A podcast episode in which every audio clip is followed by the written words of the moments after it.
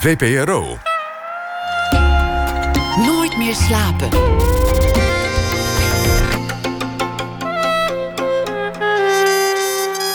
Met Atze de Vriezen. Een eh, hele goede nacht en eh, welkom bij Nooit meer slapen. Three Identical Strangers. Dat is een eh, documentaire over een drieling die bij de geboorte uit elkaar gehaald is.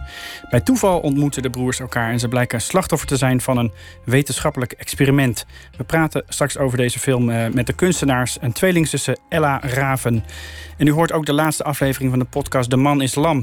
De grote apotheose van de zoektocht naar het man zijn anno 2018. Ik ben benieuwd wat de grote conclusie zal zijn. En het komende uur zit uh, tegenover mij documentairemaker Marjoleine Boonstra. Welkom. Dank je. Uh, ze, is, uh, ze filmde delinquenten die wilde paarden wilden temmen om uh, terug te keren in de maatschappij. Een beetje oefenen om weer grip te krijgen. Ze zocht de bewoners van New Orleans op toen hun stad net onder water gelopen was. En ze vroeg ze naar hun dromen. Ze zette ook nog moeilijk lerende kinderen voor een spiegel en confronteerde ze met zichzelf. Kortom, Marjoleine Boonstra heeft iets met mensen die moeten knokken voor hun bestaan. Overlevers. Geen superhelden, maar gewoon doodnormale mensen. Ze noemt het zelf What Keeps Mankind Alive. Een rode draad door inmiddels 25 jaar documentaire werk. En uh, er is ook altijd kunst. Mark Rothko bijvoorbeeld en William Faulkner. En haar nieuwe film The Miracle of the Little Prince... die combineert die twee. Gaat namelijk over met uitsterven bedreigde talen. En daarmee ook met uitsterven bedreigde mensen misschien wel. Uh, en ze zocht alle hoeken van de wereld op... met in haar hand een heel klein schattig boekje... Le Petit Prince. Het meest vertaalde Franse boek ooit... dat al acht decennia lang moeiteloos weet te overleven. Ik heb het hier voor me het is een heel klein boekje. Er zijn natuurlijk allerlei verschillende edities van dit boek. Ja. Je hebt hele grote klap-edities. Uh, maar dit is eigenlijk misschien wel de meest eerlijke editie. Het is een klein boekje. Je zou haast denken, hoe is het mogelijk dat dit acht decennia lang al overleeft? Wat is het voor boekje? Het is een boekje waarin uh, een prins komt van een andere planeet, het kleine prinsje. Juist. En die uh, vraagt zich af of er überhaupt mensen zijn, want hij landt in de woestijn. En uh, hij praat met verschillende dieren. En het leuke aan het kleine prinsje is dat hij de mens bevraagt op wat hij die dag of wat hij op dat moment doet. En waarom. En uh, dat. dat uh, dus eigenlijk niet op basis van een soort groter gedachte van wat mens zijn is, maar puur op wat hij ziet. Eén op één, gewoon jij zit hier, ik zit hier. Waarom interview jij mij? Ja, ja, ja. Hoe komt het nou dat zo'n klein boekje zo invloedrijk is? Ja, ik denk dus één, omdat het dus uh, zonder uh, een religie is en, en, en eigenlijk heel humanistisch en ook zonder politiek. En omdat het ook uh, een verbeeldingswereld is die te maken heeft met je, een kinderlijke verbeeldingswereld. En het is zo simpel en daarmee komt er eigenlijk een soort van filosofisch level uh, zijpelt er tussendoor gaandeweg. En ik heb het nu heel vaak gelezen, want ik moest natuurlijk... in de film komen maar een paar voice-overs hoor. Dus ik moest één lijn trekken. Die, die uh, ja, dat je zeg maar tien minuten de kleine prins hebt in de film. Dus uh, dan moet je het heel vaak lezen om te denken... wat zijn nu echt de headlines die je trekken van het begin tot het eind. Waardoor je ook het, echt het verhaal nog meekrijgt. Waardoor je nog net het verhaal meekrijgt... maar niet dat je het idee hebt dat je met een... een uh, een dat je het boekje gaat zitten voorlezen, maar dat het ook weer gekoppeld wordt aan de mensen die je verder in de film ontmoet. Ja. Maar het, het, het, blijft. Uh, ik denk, oh ja, dat heb ik nog niet gelezen. Of, uh, oh ja, zo. Wat heb je zelf met het boekje? Heb je een lange historie ermee? Nee. Helemaal niet? Nee. Hoe kom je bij dit boekje terecht? Nou, Lies en ik zaten research te doen voor deze film. Dat is je vaste researcher, geloof ik. Ja, ja en meer ook uh, op locatie. Uh, ja, dus we schrijven uh, het scenario of bedenken samen het plan. Zij schrijft het plan. Uh, ik reageer er weer op. En we, als we het gaan draaien, dan, dan doet zij de productie. Dus wij zaten samen aan de tafel te zoeken naar... We wilden een film maken over vertalen. Dat was tevens het idee van de producent. Hoe ga je een film maken over vertalen? Ja, dat klinkt als een heel droog onderwerp. Ja, dus uh, dat is natuurlijk moeilijk. Daar hebben we ook lang over nagedacht. Hoe, het is natuurlijk belangrijk, vertalen. Het is eigenlijk heel belangrijk hoe een boek vertaald wordt. Of het ook leesbaar blijft. En Maar goed, toen dachten we, laten we het meest vertaalde boekje nemen van de wereld. En Lies was aan het, aan het researchen en die zei uh, De Kleine Prins. Nou, dat komt dan ook bij Google boven. Dat is het meest vertaalde. Ja, naast de, bij, de Bijbel en de Koran doen ook goed mee. Maar dit is uh, en ja, ik weet niet. Als je Dit is ook leuker dan de Bijbel en de Koran natuurlijk, toch? Ja, ja. ja. Uh, ik zei net al, het is een, een, een, een overlever als boekje zelf. Het is natuurlijk ook een verhaal over overleven. Namelijk de hoofdpersoon, niet de kleine prins zelf... maar die man die daar in de woestijn zit. Die is daar met zijn vliegtuig neergedoken. Die moet daar zien te overleven in de droogte. Dat past wat dat betreft ook wel mooi... Nou ja, bijna te mooi om waar te zijn... binnen datgene wat je zo graag laat zien in die boeken. In je films. Ja, ja, de Exupéry is dus, dus een, hij was vliegenier. En uh, hij was uh, uh, neer, zijn motor was kapot in de woestijn. En dat is hem echt overkomen. Dat geloof ik wel. Ja. Ik heb het niet gecheckt. Ja, het is hij is uiteindelijk wel neergestort ook. Maar in dat vliegtuig. En hij heeft toen bedacht dat hij daar toch iemand tegenkwam. Terwijl hij daar druk met zijn vliegtuig was aan het repareren, zat het kleine prinsje hem te storen met het is mooi toch, als we nu denken aan een vliegtuigongeluk, dan, ja, dan is dat gewoon per definitie het einde. Maar je kunt dus ook met zo'n vliegtuig kennelijk daadwerkelijk uh, in de woestijn neerstorten en dat overleven. Ja. Of neerstorten, ja, motorpech hebben en dan uh, zorgen dat de boel weer gaat draaien. Uh, ja. ja. Is het toeval dat dit boekje in de, in de Tweede Wereldoorlog geschreven is? 1943 kwam het uit. Ja. Ik weet het niet. Nee? Nou ja, ik, ik heb het gevoel dat het geen toeval kan zijn. Hij heeft het in New York geschreven. Ja, hij was op de vlucht natuurlijk. Hij, was, ja, hij kon vliegen, dus dat... Ja, en hij vloog over de hele wereld. Dus het perspectief... Kijk, dat, dat prinsje dat gaat van de ene planeet naar de andere planeet... en daarop zit weer één personage die hij dan aanspreekt. En zo vloog hij natuurlijk ook over de wereld. Dus eigenlijk is de vraag van het kleine prinsje... zijn ook eigenlijk zijn eigen vragen. Juist, ja. Uh, zoals je al zei, je bent de wereld overgegaan op zoek naar die vertalingen. Uh, laten we even naar een fragment luisteren van een van die vertalingen die in je film voorkomt. Mm -hmm. um, ja, wat gaan we horen? Hoort je dat? Bij dat teenager. Als je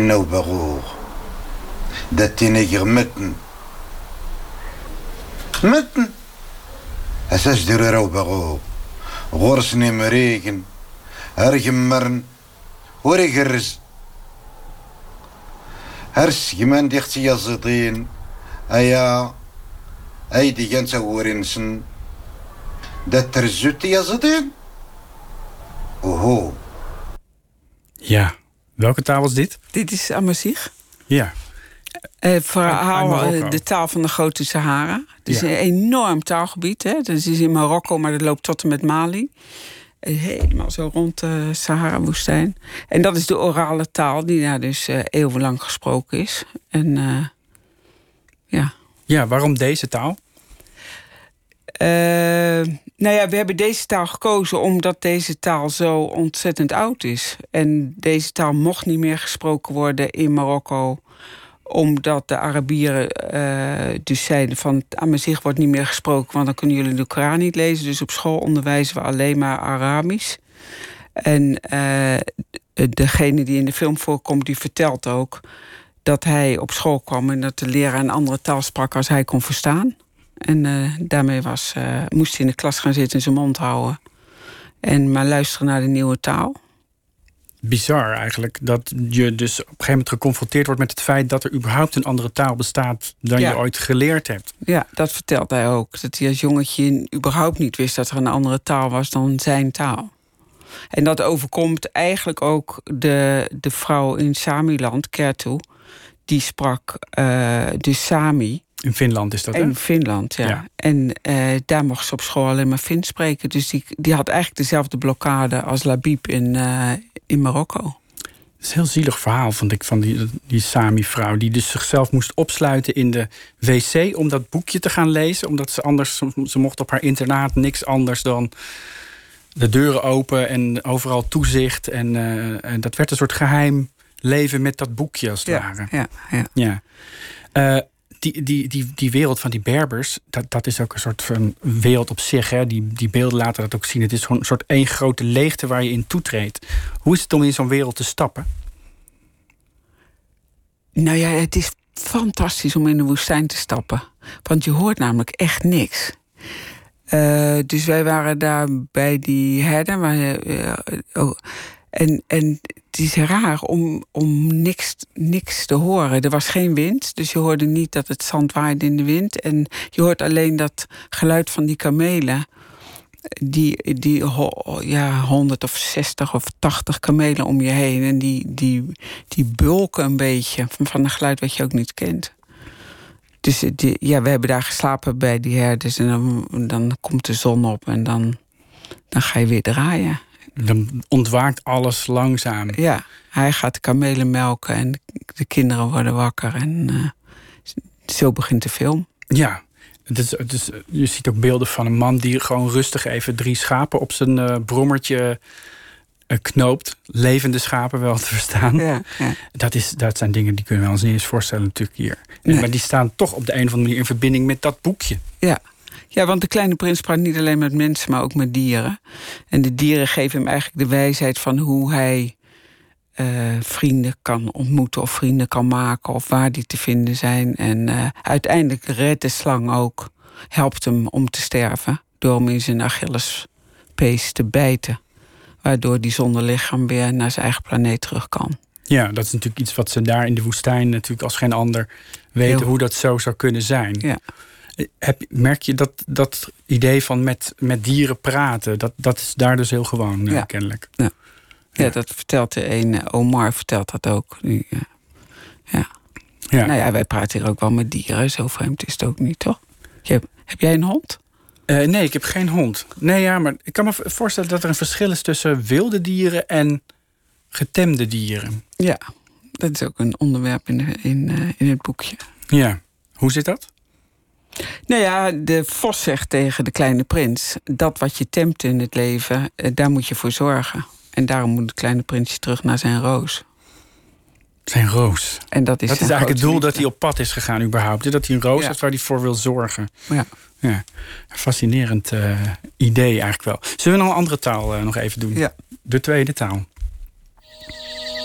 Tenemi paltigingagit nesuksushit. Inak ne ipilsin ne tatuhtiani. San nemi paltingita guan tiginin yuguit. Ne shuchit nopal puputuga nuhme nutalyu. Pero tes nigmatituya gen niyulpagi pampa. Ini caso pal ihitsti pal tehtecuani, nechkagasu susul. Ninegiski yama nechpakti. Als ik er zo puur naar luister en ik zou niet weten waar het vandaan komt, dan zou ik echt in de war zijn. Ik zou ergens tussen Rusland en Zuid-Amerika zwerven. Nou, en dan kom je toch in de buurt. Ja, maar ja, dat Rusland, daar zit ik toch wel flink naast. Ja, ja. dit is, uh, nou wat, uit uh, San Salvador, El Salvador. Uh, en dat is eigenlijk een verbastering van wat de Azteken in, in Midden-Amerika spraken. Dus, uh, en dat wordt nog door weinig mensen gesproken. Maar uh, ook de kleine prins is in die taal. Die zijn ze aan het vertalen in de film. Ja, een heel ander verhaal ook dan die Berbers. Ja. Wat is het verhaal van deze taal? Het verhaal van deze taal is de pijn van het verbod om de taal te spreken. Dat er uh, 30.000 mensen zijn vermoord. En dat het echt verboden was om deze taal te spreken. En als je hem wel sprak, dan kon, dat, dan kon je vermoord worden.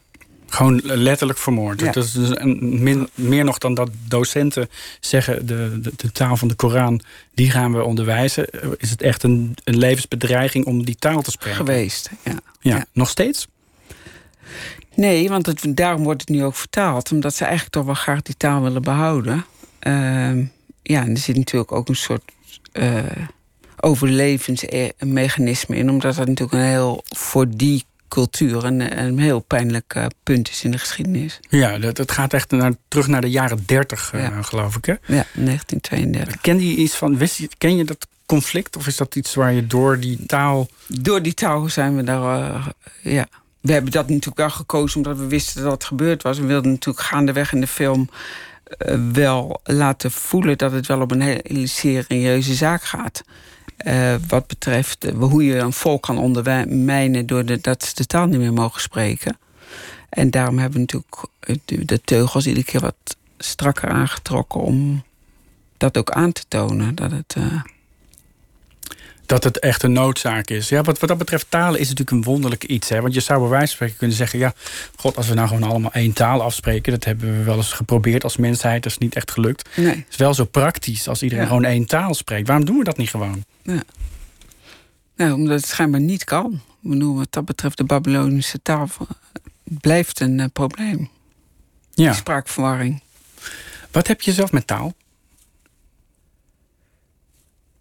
Ik vind taal belangrijk in films. Ik vind behalve een dialoog vind ik het belangrijk om taal. Uh, om dat daar ook een, een verhaallijn te laten zijn in een film. Omdat het iets meer een, uh, een helikopterview geeft. Je hebt, je, met een dialoog zit je midden in de werkelijkheid. En met een, met een taal of literatuur kan je dan af en toe even uit de film stappen, erboven gaan hangen en weer terugkomen. Maar ik kan me ook voorstellen, want je, gaat, je zoekt natuurlijk allerlei uh, gekke plekken op, alleen al in deze film, waar taal ook een barrière vormt om tot mensen door te dringen lijkt. Want je Ja. kunt ze niet direct verstaan. Je moet Nee. voortdurend met tolken werken. Het was met de editing was dat ook een, met het monteren van de film was het ook echt een ramp. Want eh, we konden letterlijk niets verstaan. Dus we kregen dat materiaal terug en we hadden het niet ondertiteld. En je hebt geen enkele clue wat ze zeggen. Er is ook niet een, een tolk in Nederland die Nawat kent waarschijnlijk. Nee. Hoe gaat dat dan? Hoe doe je dat Nou dan? ja, dan wordt dat opge... Dan denken we, dit zijn interessante stukken, maar eigenlijk weet je dat niet. Dus je stuurt alle stukken op en dan wordt het allemaal vertaald. En dat komt dan na zes weken of na acht of tien weken komt dat terug. En dan typ je dat er allemaal onder. En denk je, nou ja, dit is wel een leuk stukje. En voordat je het weet, doe je dan... Ja, heb je een uur laten vertalen en heb je dan drie minuten wat je interessant vindt. Dus de, eh, daarom heeft de, eh, het monteren van de film ook veel langer geduurd dan dat daar. eh, we hadden 65 dagen en het zijn er meer dan 100 geworden. Dus het was een monnikenwerk echt. Maar hoe, hoe werkt dat dan op het moment dat je met die mensen praat? Dan, dan heb je een tolk en dan moet je... Ja, dan had ik een simultaantolk en die fluisterde dan in. Ik werk altijd zo, de simultaantolk heeft een microfoon, die, die spreekt simultaan in wat er gezegd wordt. En dan heb ik een oortje en dan hoor ik wat er eh, gezegd wordt. En dan fluister ik weer in zijn oor als ik een vraag heb. Ja, ja. Je hebt iets met dit soort plekken, hè? Die, die afgelegen zijn en die waar normale Nederlanders, of normale Nederlanders, de gemiddelde Nederlander nooit van zijn leven zal komen. Waar is die honger naar dat soort plekken begonnen? Nou, het komt ook door het visuele. Ik, ik, ik word enthousiast of wil achter een camera gaan staan op het moment dat ik op een plek kom die ik niet ken. Omdat ik dan gewoon eh, met een soort van nieuw oog ga kijken. Hoe leven deze mensen en hoe zit dit? En ik, dit roept bij mij nieuwsgierigheid op.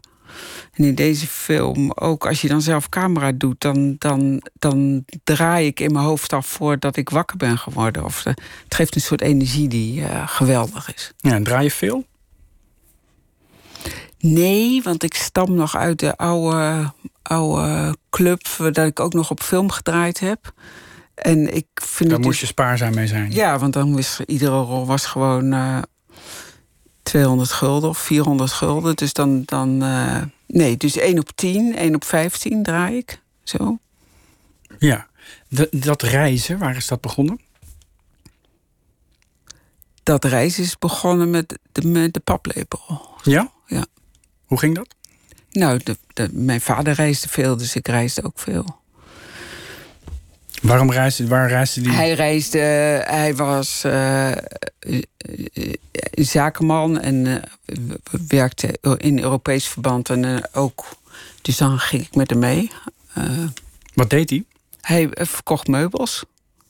Dus hij kocht Europees in. Dat was, dat was, dat was de tijd dat je. Hij had, zijn vader had een meubelfabriek. En eh, toen werd het mode om centraal in te kopen, eigenlijk. En in de jaren zeventig.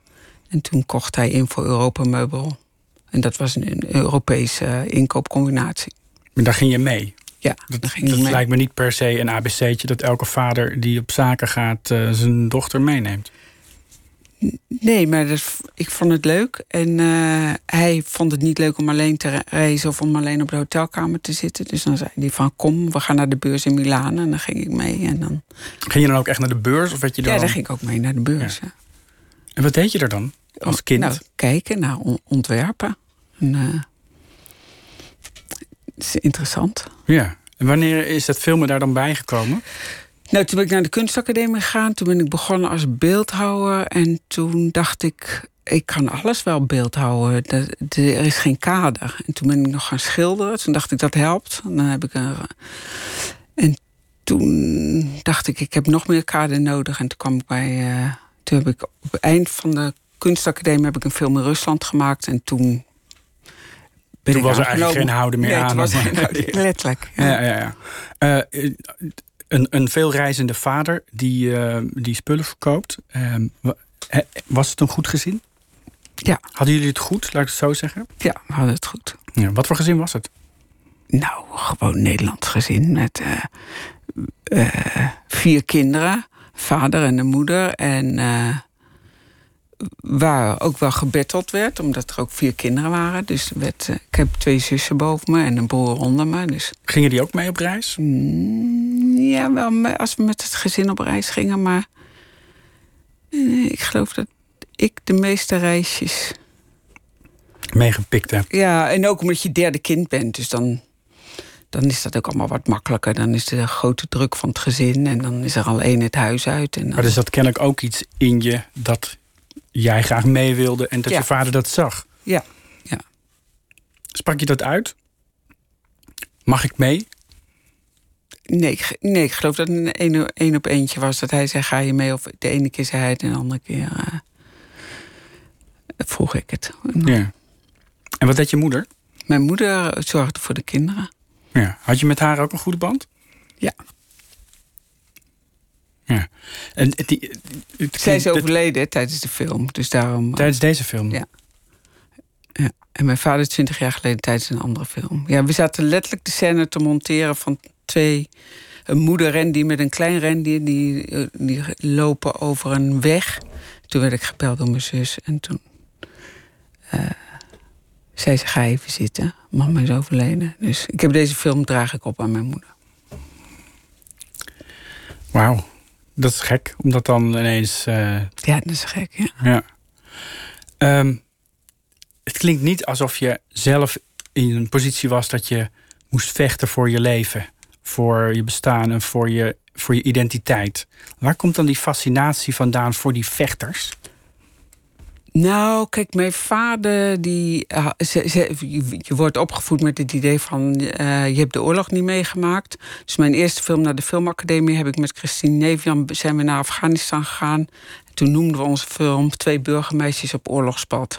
Toen dachten we, oké, dat gezeur iedere keer over je hebt de oorlog niet meegemaakt. Laten we nu maar naar de oorlog gaan. Dan kunnen wij zeggen, we hebben het ook meegemaakt. En dan zijn we daarvan af. Dat klinkt eigenlijk heel makkelijk. We gaan het ook gewoon doen. Ja, Zo moeilijk heel is het naïef. ja. Heel naïef. Vreselijk naïef. En daar hebben we ook flinke klap van gehad.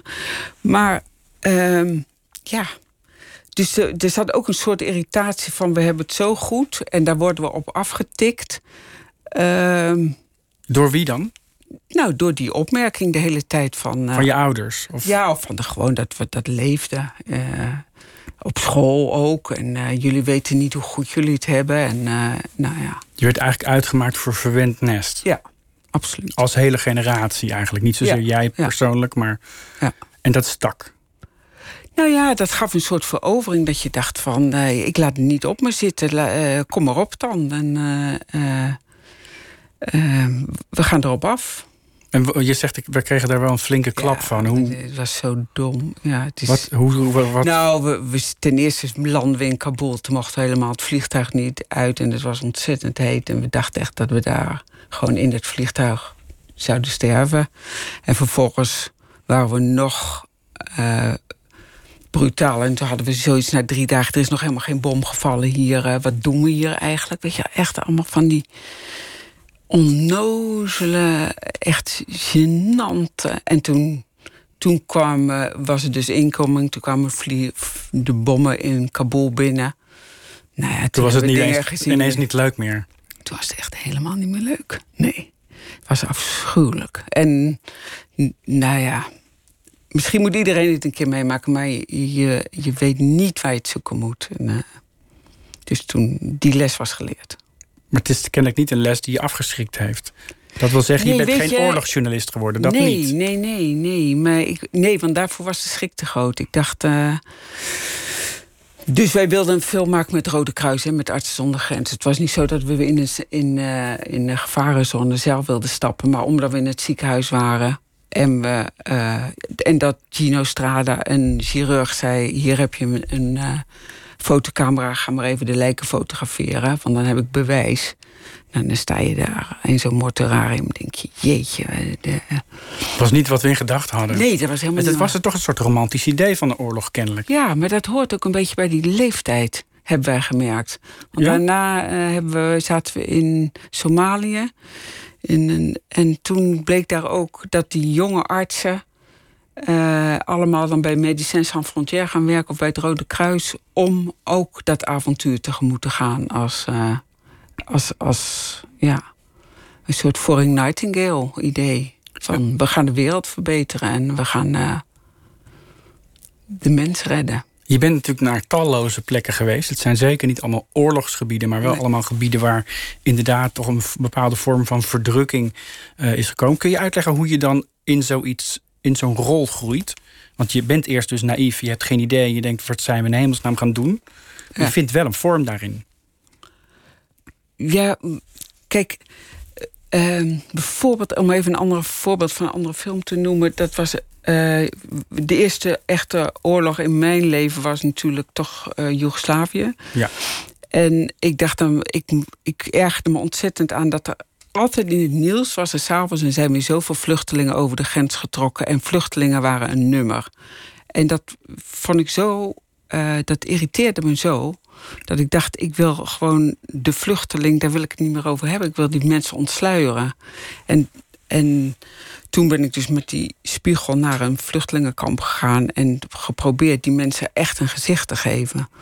En dat vind ik heel erg interessant om de anonimiteit van mensen weg te halen om, en, om en mensen echt te leren kennen. En te zeggen, hoe is het met jou? En Het dat gaat- is natuurlijk een parallel met de kleine prins. Ja, ja, het gaat wat dat betreft ook niet echt over. Het gaat niet over een conflict, die Nee. films. Het gaat juist over hoe mensen na dat conflict, of misschien wel midden in dat conflict, hun dagelijks leven proberen voor te zetten. Ja, of opnieuw op te bouwen. Ja, daar heb ik. eh, en dat vind ik echt heel erg interessant om te horen hoe de ene het doet en hoe de andere het doet. Want het is daar, eh, ja, Er zitten grote verschillen tussen. ja, er zitten hele grote verschillen tussen.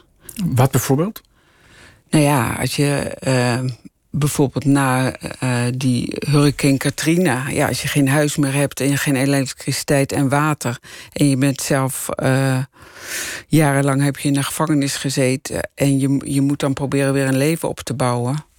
Nou, ik heb daar een gesprek gehad met iemand die echt heel openlijk vertelde hoe het met hem in. eh, Dat, dat, dat is iets totaal anders dan dat je met een gevangene in Nevada praat. die een paard zit te temmen als een vorm van therapie. Ja, die hebben al andere manieren om, eh, om daarmee om te gaan. Ja, die hebben dan een. eh, Die, ja, dat is een verder. Voor een, een psychiater werkt niet. Dus dan, dan pakken ze wilde paarden. En dan zeggen ze: Oké, maak hier maar een gezadeld paard van. Die krijgt drie maanden. En, en het paard is dan de therapeut voor de gevangenen. Dus op die manier proberen ze die mensen weer een, een eh, opmaat te geven naar. Ja. om weer op eigen benen te staan. Het is ook iets waar die mannen, dat zie je in die film ook heel duidelijk, zelf zich vol overgave op storten. Omdat ze dat als een soort kans zien om, om weer grip te krijgen eigenlijk. Letterlijk Ja, op dat paard. En macht, ja.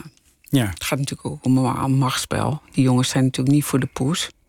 Dus die, eh, die willen zo'n wild paard wel eronder proberen te krijgen. Maar dat wilde paard dat laat zich niet eronder krijgen. Nee, nee, nee, nee. Eh, de Hurricane Katrina, daar, daar moeten we het zeker zo eh, na het nieuws nog even verder over hebben. Ehm, we gaan zo meteen eh, eerst nu dus naar het nieuws. Dan straks eh, praten we nog even verder. En dan gaan we ook nog naar het ITVA. En we gaan luisteren naar de laatste editie van eh, de podcast De Man Islam. Tot zometeen bij Nooit meer slapen.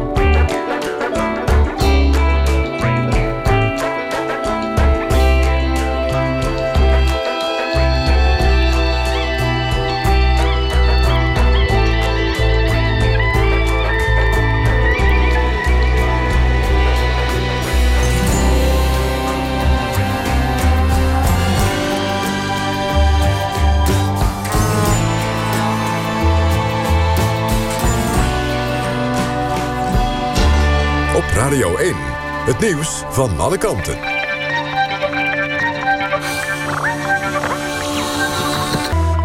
1 uur, Levi van Eck met het NOS-journaal. De Saoedische kroonprins Mohammed heeft hoogstpersoonlijk de opdracht gegeven... om de kritische journalist Khashoggi te vermoorden. Dat zegt de Amerikaanse geheime dienst CIA volgens de Washington Post. De CIA baseert zich volgens de krant onder meer op een onderschept telefoongesprek... dat de broer van de kroonprins met Khashoggi voerde. Daarin zou hij hebben gezegd dat Khashoggi naar het consulaat in Istanbul moest gaan... om documenten voor zijn huwelijk op te halen en dat dit veilig zou zijn... Later bleek dat een Saoedisch doodseskader Khashoggi daar opwachtte en hem vermoordde. Jongeren in de Europese Unie tussen de 25 en 30 jaar... wonen steeds langer bij hun ouders thuis, blijkt uit cijfers van Eurostat. In totaal woont 42 procent van de late twintigers in de EU nog thuis. In Nederland gaat het om 18 procent. Lang bij ouders blijven wonen komt het meest voor in Zuid- en Oost-Europa. In de Scandinavische landen zijn deze percentages het laagst. In elk EU-land wonen mannen vaker bij hun ouders thuis dan vrouwen. De Bosnisch-Servische oorlogsmisdadiger Radko Mladic... heeft vanuit de gevangenis in Scheveningen gebeld met de Servische televisie. En dat had niet gemogen. Mladic is door het Joegoslavië-tribunaal tot levenslang veroordeeld... voor onder meer volkerenmoord. Hij mag niet zonder toestemming bellen met de media... zegt een woordvoerder van het strafhof tegen de BBC. Het Nederlands elftal heeft in de Kuip met 2-0 gewonnen van wereldkampioen Frankrijk.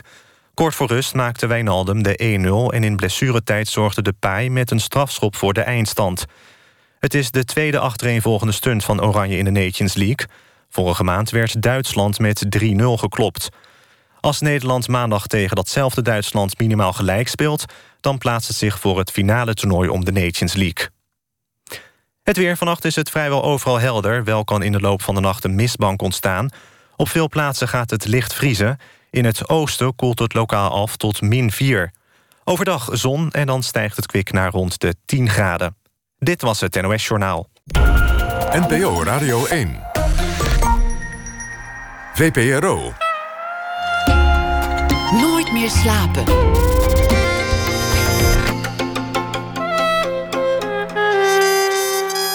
met Atze de Vriezen. Welkom terug bij Nooit meer slapen. Tegenover mij nog steeds documentairemaker Marjoleine Boonstra. We hebben het net gehad voor het nieuws over haar nieuwe film... Het Wonder van Le Petit Prince. Die gaat zondag in première op het filmfestival ITVA. Ehm, we hebben het dus gehad over die film... en we hebben het ook gehad over je drang om mensen op te zoeken... die op de een of andere manier moeten zien te overleven. En je noemde net al eh, de orkaan Katrina en New Orleans. Um, ja, een, een, een ramp van wereldformaat die iedereen hier heeft meegekregen in het nieuws natuurlijk. Uh, jij dacht, ik ga daarheen. Uh, en nou ja, daar, daar heb je heel veel geschoten volgens mij. Mhm. En wat mij dan zo fascineert, dan ga je dan ergens bij nacht en ontij, als het al donker is, ga je op pad in een wijk waar alle deuren zo'n beetje dichtgespijkerd zijn op, uh, op één of twee in een straat na. En er zit dan een man op een uh, front porch en die, uh, ja, daar ga je dan mee in gesprek. Dat klinkt zo makkelijk. Is het dat ook? Nee, dat is het niet, want je weet nog niet wat je gaat draaien. Dat is de film waarmee ik het meest documentaire risico heb genomen... omdat ik s'avonds, als we in de auto stapten... niet wist wie we tegen zouden komen. Dus dat is heel raar. Je hebt tien draaidagen en dan, uh, ja, dan vraag je cameraman en je geluidsman... waar gaan we naartoe? Zeg ik, weet ook niet, we gaan zoeken. En dat, zo hebben we het letterlijk gedaan. Gewoon zo, maar gewoon die stad in. Kon dat? Want het is natuurlijk een, een hele rare situatie. Nee, Bijna iedereen is weggetrokken. De Nationale Garde rijdt daar rond om de boel een beetje in de gaten te houden. Ja, dus wij hadden... Uh, politieagenten deden daar, uh, nou niet vrijwilligerswerk... want we hebben er dik voor betaald. Maar zij dekten ons dan, uh, gewapend.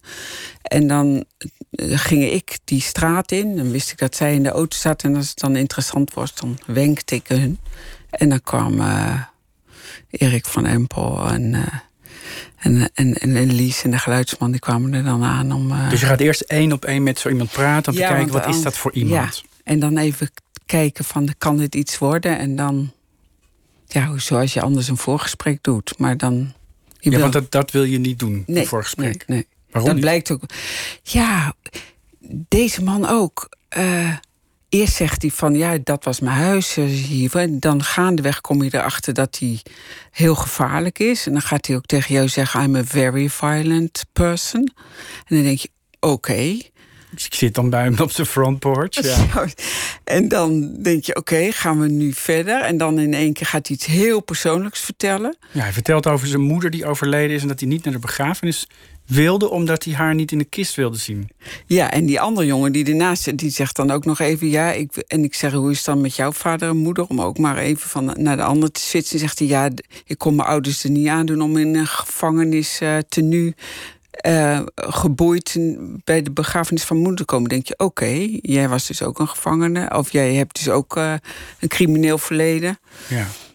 En, en, en als je dan doorpraat en ge- gewoon doorpraat over de essentie van het bestaan, dan opent zo iemand zijn hart en dan is het een ontzettend eh, goede jongen. Hoe lang praat je dan met zo iemand? Zolang als je iets eh, hebt gezien in de film. Ja, dus dat is een paar minuten eigenlijk. Ja. Dus binnen een paar minuten praat zo iemand over zijn moeder... en over eh, zijn dromen die hij misschien ooit gehad heeft... en die nu al helemaal ver weg zijn. Ja, ja. Gek hè? Ja, dat is toch gek? Ja, ik vind dat wel gek eigenlijk, dat dat Ja. zo... Maar heb je daar... ver- verbaast je dat? Dat dat zo gaat? Ja, dat verbaast me iedere keer weer. Maar het overkomt me ook iedere keer weer. Dus ehm, ik, eh, misschien komt dat door de situatie waarin ze zitten.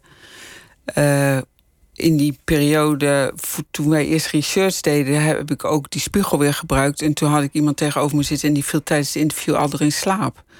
Letterlijk in slaap. Dat ik dacht van, moet ik nou mijn mond houden? Of moet ik gewoon draaien dat hij in slaap valt? Wat heb je gedaan? Ik heb eh, gewacht totdat hij wakker werd. En dat was in New Orleans ook? Ja. Ja, daar heb je ook met die spiegel gefilmd. Dat, Ja. Daar moeten we het zeker zo over hebben. Want dat is natuurlijk ook een, een, ja, een- iets wat je echt eh, graag gebruikt. Ja. Maar ik wil toch nog even terug naar die, die mannen. Die zitten daar dan, dus dan in de nacht. Waarom ga je daar dan niet overdag heen? Omdat ik wilde laten zien op beeld dat die stad geen elektriciteit meer had. Toen dacht ik, ja, hoe laat je dat zien? Door in de nacht te filmen. En bovendien hou ik ontzettend van in de nacht filmen. Ik vind eh, dat de nacht vergeten wordt in films. En Ja? het is het mooiste, da- ja, het mooiste moment om met mensen te praten in de nacht. Eigenlijk moet hier nou ook de lampen uit. Dan zou het gesprek heel anders lopen.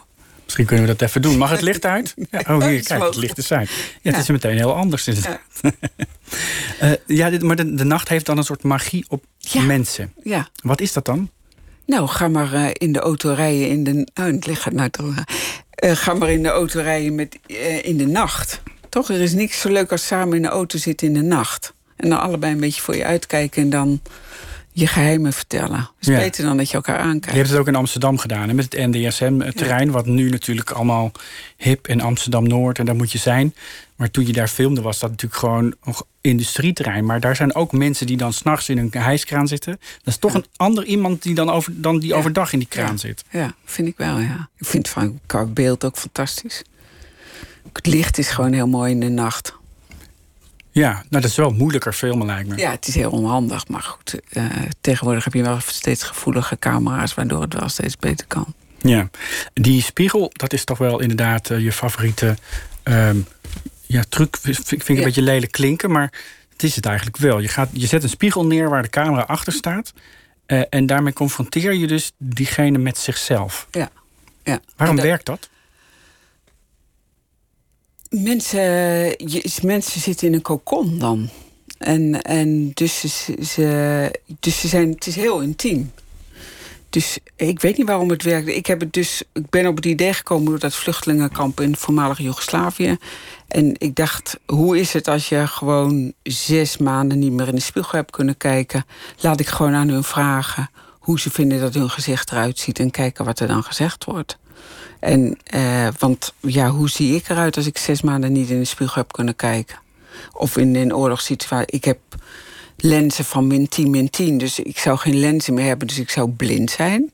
Als ik in een, dus ja, dan zou ik geen eens mijn eigen gezicht in die spiegel kunnen zien. En je bent behoorlijk bijziend. Dus ja, wie, ben- wie ben je dan nog? Je hebt het begin dit jaar ook een film nog uitgebracht waarin je dat ook doet. Spiegeldromen heet die. Gaat over jongeren die in het praktijkonderwijs zitten. Dus voor wie elke vorm van theorie eigenlijk te veel is. Werkt het bij dat type jonge mensen Ja, ook op zo'n manier? Heel goed, ja. ik kan me voorstellen dat iemand van, nou, hoe oud zijn die mensen? 14, 15? Ja, ouder, 16, 17, ja. dan, dan kijk je toch helemaal niet graag naar jezelf? Nee, maar ze, ze gingen zitten en het was oké. Ik, ik weet ook niet hoe dat komt. Ik bedoel, één jongen die zei, mag ik ook? Ik zeg, ja, natuurlijk mag je ook. En toen zei, hij, uh, zei ik, hoe is het met je? Zegt hij, nou, mijn moeder is twee maanden geleden overleden. Bang. Dat is het eerste wat hij zei? Ja. En dan, uh, en dan deins ik terug en denk, oké, hoe gaan we hierop reageren? Ik bedoel, ik schrik dan ook, dat vind ik de leukste manier van interviewen. Dat je niet weet hoe het met iemand is. En dat je gewoon echt op dat moment in het interview zit, je niet voorbereid hebt en dan dat diegene je overvalt met een bekentenis en dat je daardoor heel erg uh, open en eerlijk met elkaar door moet of doorgaat. Wat zei je tegen hem? Of die, uh, ik vroeg of ze hem op school goed geholpen hadden. En? Ja, dat was zo. Je, je, je, interviewt hun docent ook, hè? En dan vraag je ja. op een gegeven moment ook van... Uh, ben je toch een soort ouder voor, voor ze? Maar het grappige is, als jij met die mensen praat... dan voelt het soms ook een beetje als een soort van ouderlijke intimiteit. Is dat iets wat je zoekt? Want je moet toch een enorme hoeveelheid vertrouwen wekken. Eigenlijk met alleen maar je stem, want je zit achter een spiegel. Ja, ja. ja ik denk dat dat wel... Uh ja, ik deed het natuurlijk al twintig jaar geleden. Ik doe het nu nog. Maar je merkt wel dat je nu meer een moederrol krijgt. Ja. Omdat je, Omdat je, je bent net zo oud als hun ouders. Dus, uh, ja. Maar, Stellen mensen die dan voor zo'n spiegel zitten ook wel eens een wedervraag? Zijn ze benieuwd wie, wie jij bent? Nou, ze vragen waar, waar zit je? Zeg ik, ik zit achter de spiegel. Oh. En zo'n man in New Orleans op een front porch, is die benieuwd naar wie jij bent? Nee. Nee? Mensen zijn niet zo snel benieuwd. Dat is jammer eigenlijk, toch? Ja. Wat zou jij zien als je in de spiegel kijkt? Ik? Rimpels. Toch? Rimpels? Je, ja, je ziet altijd het eerste wat je niet goed vindt. Dus dat merk je ook bij die mensen. Ze schrikken. En dan gaandeweg denk je, oké, okay, ik, ik, moet het gaan doen. Oké, okay, nou, en dan... Wat zou jij zien als je in de spiegel keek? Misschien ook wel rimpels. ik heb nog niet zoveel rimpels, maar die ene die, zie, die, zou ik dan wel zien. Maar zou je nu iets anders zien dan twintig jaar geleden in de spiegel? Ja, natuurlijk. Wat is het verschil? Nou ja. Nou, ik denk de afkeer is nog hetzelfde. Ja. Afkeer? Van je eigen gezicht, ja. Ik kijk niet zo graag in de spiegel. Waarom niet? Ja. Ik kijk vlug echt in de spiegel kijken. Vaak kijk je toch een beetje snel. En dan denk je, oh, uh, uh, het zit goed uh, of het zit niet goed, wegwezen. Zo kijk ik in de spiegel. Hoe lang, is, hoe lang is het geleden dat je echt keek dan? Ik denk dat ik dat nog nooit gedaan heb. Maar je vraagt je, je onderwerpen, je gesprekspartners dat wel te doen. Ja. Misschien om die reden. Ik bedoel, daarom ben je ook een beetje documentaire maken. Je zit andere mensen. Jij staat veilig achter de camera en jij, jij geeft hun het podium. Als je het positief wil brengen. Ja. Nou ja, je, je probeert mensen natuurlijk wat dat betreft open te krijgen. En dat sommige mensen doen dat vanzelf. Die zeggen, beginnen meteen over hun overleden vader of moeder. Omdat dat nou eenmaal is wat, wat zo hoog zit. Maar je kunt het ook afdwingen door ineens een hele serieuze vraag te stellen. What's the sadness in life bijvoorbeeld? Dat is zo'n vraag. Beantwoord die zelf eens. Nou, dit, nu is het dat ik mijn moeder, uh, mijn moeder overleden is. Ja, mijn moeder is ook overleden. Dus. Is het anders dan je vader? Want... Ja, het is twintig jaar geleden. Dat is anders, ja. Ik denk de sadness of life is de schoonheid. De sadness of life is de schoonheid. Hoe bedoel ja. je dat? Uh, ik vind in schoonheid zit een soort melancholie die, uh, die me, mij overeind houdt. Maar dat heeft ook iets heel triest. En uh, ja, dan kom je bij een soort poëzie terecht die, die, waar je ja, kan dromen. Ja, dus de schoonheid ook van een landschap dat misschien te mooi is om te aanschouwen. Ja, of van de nacht, de eenzaamheid van de nacht. Uh, het heeft ook een soort schoonheid in zich. daarom is die jongen op die hijskraan... die, die, die zit daar heel erg in zo'n koude ijzeren hijskraan. Maar hij kijkt ook over de wereld, want hij zit ook hoog. Dat, daar zit een soort balans in tussen schoonheid en eenzaamheid... die, die, die, ja, die mooi is om te filmen. Ja, je vraagt aan die jongen ook op een gegeven moment iets als... God, ja, jij hebt dit dan geleerd en, uh, en wat had je er voor idee? En dan krijg je inderdaad zoiets als ja, hoogte en dat klinkt allemaal majestueus. Valt je tegen? Voel je je alleen, zeg je dan? Ja, dan zegt hij ja. Dat kan ik me ook heel goed voorstellen. Ja. Ja. Um, ja, wat is je volgende project? Want je bent voortdurend met nieuwe dingen bezig. Ja. Ja, ik ben nu een nieuwe speelfilm aan het ontwikkelen. En uh, we willen eigenlijk wel graag een film maken over Harry de Wit. Waar die, die muziek heeft gemaakt voor de componist. De componist, Harry de Wit, ja. Uh, en verder zoeken we, uh, hebben we nog een andere film over Eens uit Home Alone. Nou ja, dan moet je het hele script gaan vertellen. Maar goed, er zijn ideeën genoeg. Uh, maar de scripts moeten nog geschreven worden. En, zijn er voortdurend nieuwe ideeën over mensen die moeten overleven? Ja, ik blijf het zo Oneindig, interessant vinden. Ja. ja. Ik vind het in die film ook. Um, Bela Bela, dat zo'n Russische vrouw dan vertelde. Ik zat in, uh, in, we zaten gevangen en we hadden bijna geen ruimte voor elkaar. En toen hebben we een oplossing gevonden. We zijn oud-Russisch met elkaar gaan spreken. Om elkaar ruimte, visueel ruimte te geven door beleefd tegen elkaar te doen. Ik vind het ontzettend interessante dingen om te horen. Hoe creëer je ruimte voor die ander op het moment dat je geen ruimte hebt? En dat ze dan terugvallen op een oude taal, heel beleefd Russisch, om elkaar niet te verrot te gaan schelden, maar gewoon te zeggen: mag ik hier zitten? Precies, ja. We gaan naar, kijken naar je andere film over taal op het ITVA. Afgelopen aanstaande zondag en dan nog een aantal keren op het ITVA te zien. Dankjewel Marjoleine Boonstra dat je hier, uh, dat je hier was. Dankjewel.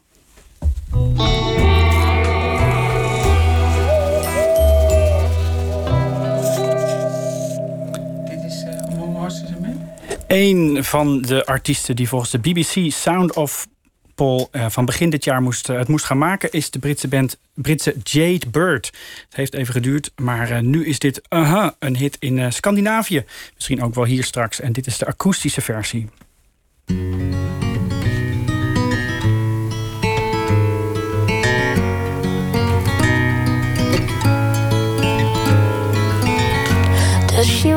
Put on makeup in the bathroom, and go to work and stay real late and text you she'll be back soon? But her boss runs his fingers round her pretty blonde platinum dude.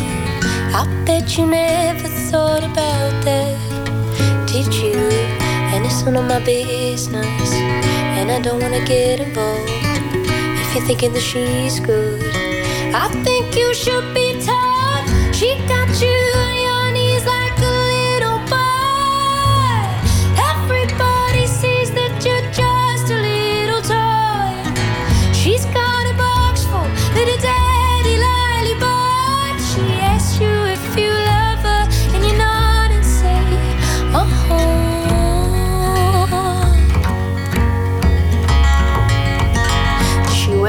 short skirts, so you don't ask her if you can check her phone talk about the guys at work so you feel egocentric. Like fancy cars and football teams, is she like continental? With a European accent, does she speak? Oh, so gentle, and it's none of my business. And I don't wanna get involved if you think that she's good. God, no,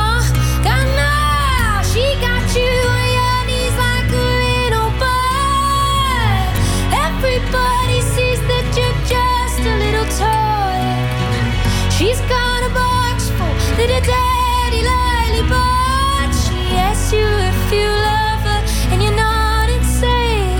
Uh-huh. She got you where it hurts, but you don't seem to see. What she's at her worth, she's doing what you did to me. She got you where it hurts, but you don't seem to see. While she's at her work, she's doing what you did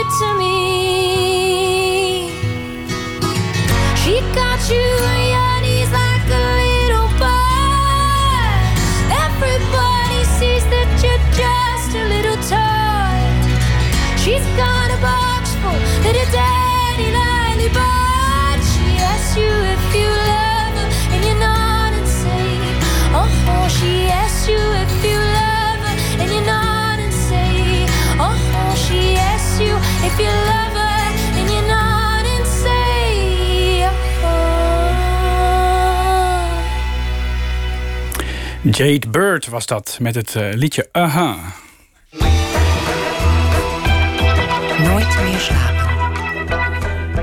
Verslaggever Tom Hofland is uh, op ITVA. Daar gaat hij uh, alle mooie films af. Hij praat over bijzondere documentaires. Vannacht is dat de film Three Identical Strangers. gaat over een drieling die bij de geboorte van elkaar werd gescheiden... als deel van een wetenschappelijk experiment.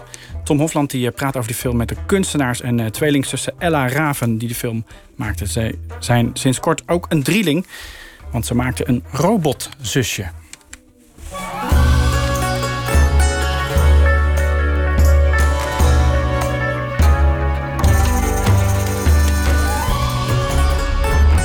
I wouldn't believe the story if someone else were telling it, but it's true, every word of it. It started when I went to college.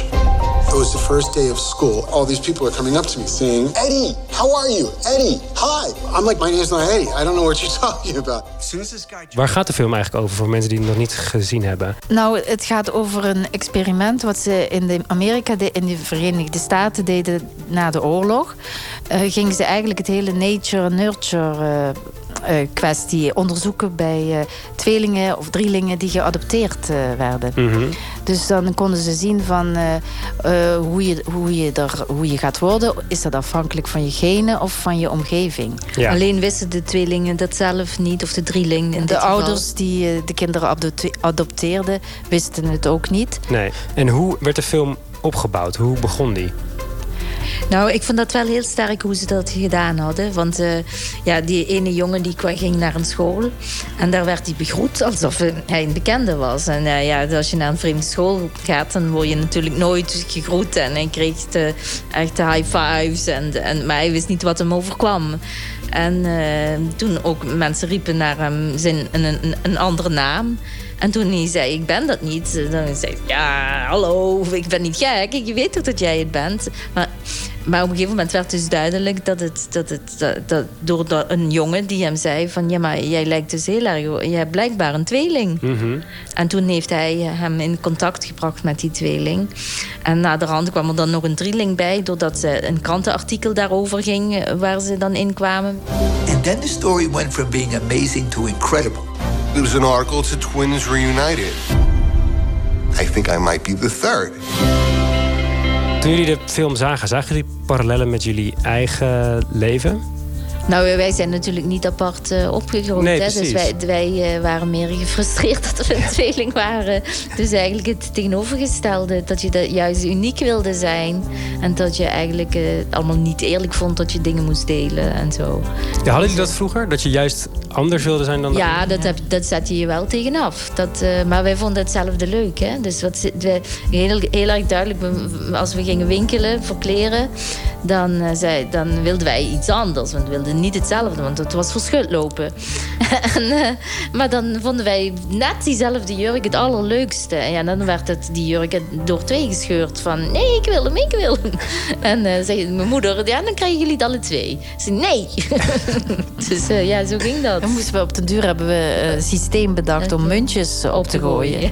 En dan hadden één gewoon tweede keus. Die mocht dan een minder mooie jurk uit. Nou ja, dan moet je dan iets anders uitzoeken. Maar we hadden allebei, we vonden allebei dat we wel iets anders moesten. Ja. Maar we hebben dezelfde smaak. Dus één iemand moest altijd het onderspit delven. Maar die drie jongens die elkaar tegenkomen, die vinden het juist fantastisch dat ze Ja, maar ja, die ze hebben het hele tweeling of drielingschap dan in hun geval helemaal niet ervaren. Dus die bekijken het ook net als iedere eenling. Denken ze, oh, dat lijkt me eens leuk om een drieling te zijn. Ja. Nou, en zij waren eerst een eenling in hun gedachten.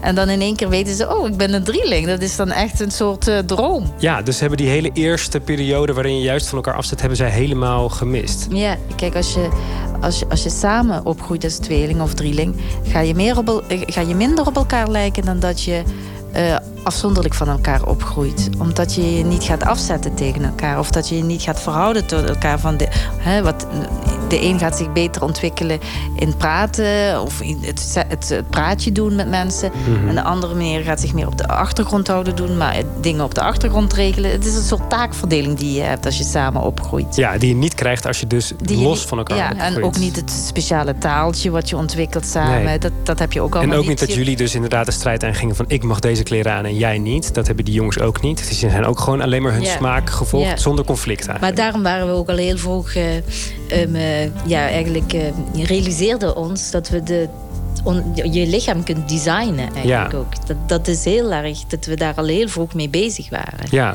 Kijk, maar je kunt bijna, kijk, het is een heel onethisch onderzoek, hè. Maar eigenlijk kun Ja, je want niet heel weten... even samenvatten. Ik weet niet of we dat al goed gedaan hebben. Dus ze hebben dus drie jongens. Eh, dus een drie-eigen tweeling hebben ze bij drie verschillende ouders in drie verschillende sociale klassen neergezet Mhm. en laten opgroeien. En je ziet dus uiteindelijk ook dat er dus echt best wel grote verschillen in die jongens zitten. Eerst zie je oppervlakkig, oh, ze zijn precies hetzelfde.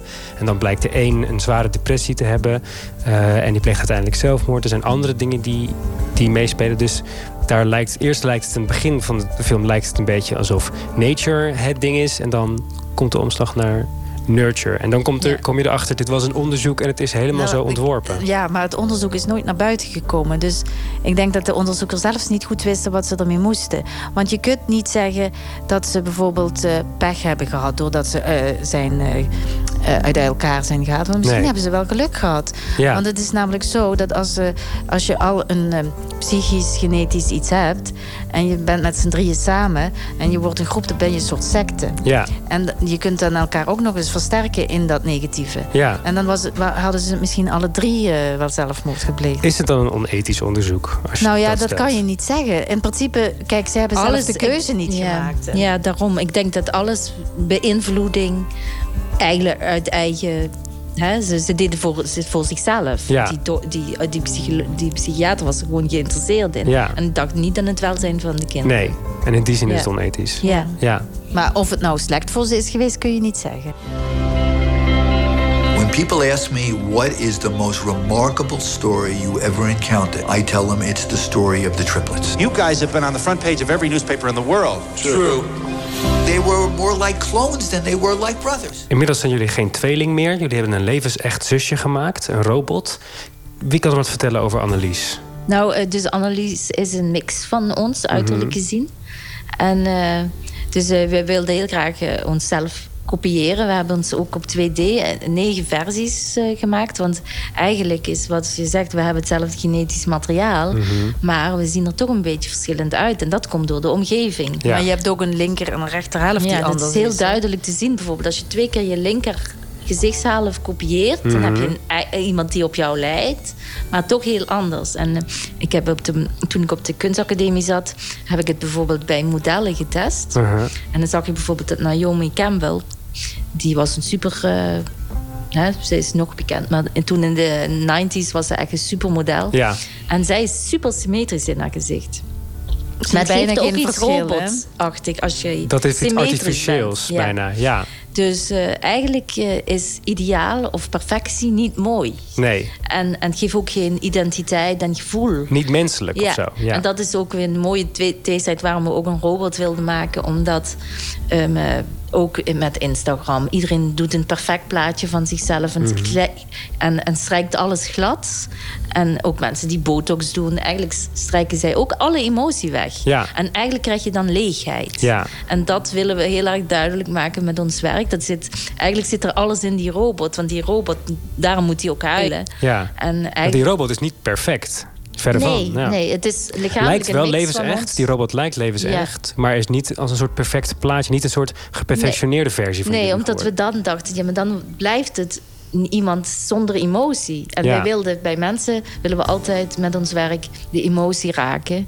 Eh, Want dat is juist waar mensen zijn zo lastig nog geïnteresseerd te krijgen of te raken in emoties. Is heel erg lastig. Ja. Ook met alle kunst. Je kunt nog shocken wat je wilt. Mhm. Mensen zijn, die blijven coole kikkers. Ja.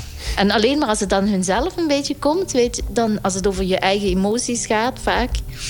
Dan, dan, eh, en vaak daarom eetproblemen. Bij vrouwen ligt ons werk heel moeilijk, omdat ze vaak zelf eetproblemen hebben gehad. Heel confronterend is Ja. om er dan mee. Ja. Ja. Zijn jullie wel eens bang dan om elkaar te verliezen? Zoals die jongens verliezen dan hun broer? Ja, dat lijkt me wel heel eng, want je weet niet eh, hoe het is om alleen te leven. Nee. En dat, dat, dat En ook heb je nooit meegemaakt, dus Mhm. dat is heel eng. Je hele identiteit is eigenlijk ontwikkeld ja, eh, in de veronderstelling dat je uh, ten opzichte van haar. Mhm. Want ja, ik kan me eigenlijk niet eh, loskoppelen van haar in mijn eigen identiteit. Want Nee. die, ik verhoud me tot haar. En als, je die, dat dan, als dat wegvalt, dan weet ik ook niet zo goed Tot wie wie ik verhoud je je dan? Ja, ja. Dus dat is, dat, zou, dat is een heel eng idee. Is er een scène die jullie is bijgebleven? Ja, het verhaal ging echt wenden toen ze zeiden dat ze op zoek waren naar een biologische moeder. En die biologische moeder die kwam dan niet in beeld. En, en toen gingen ze er even niet verder op in.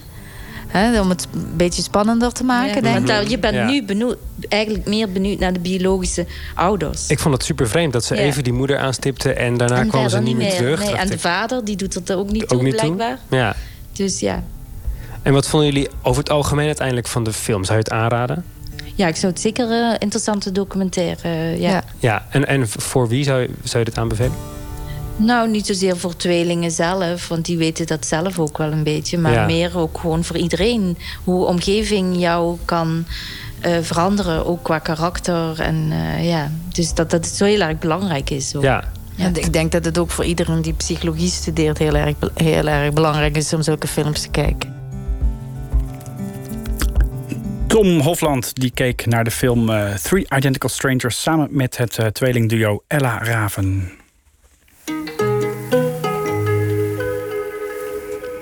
En dan nu de grote apotheose van eh, De Man is Lam. Tien maanden lang onderzocht eh, Rashif El Kawi wat het betekent om man te zijn anno nu. En die zoektocht die eindigt dus nu met de laatste aflevering van zijn podcast. Hij probeert de puzzelstukjes bij elkaar te brengen. Spreekt onder andere met een eh homokoppel dat de 60 gepasseerd is... over uit de kast komen in een tijd dat dat nog helemaal niet zo makkelijk was.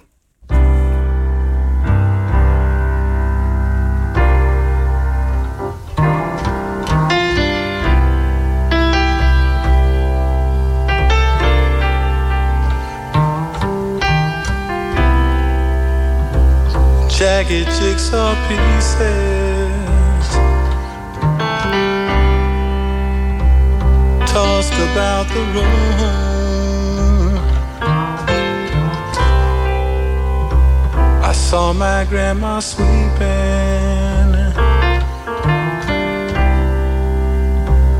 with her old straw broom. But she didn't know what she was doing. Dat was Jill Scott Heron met Pieces of a Man.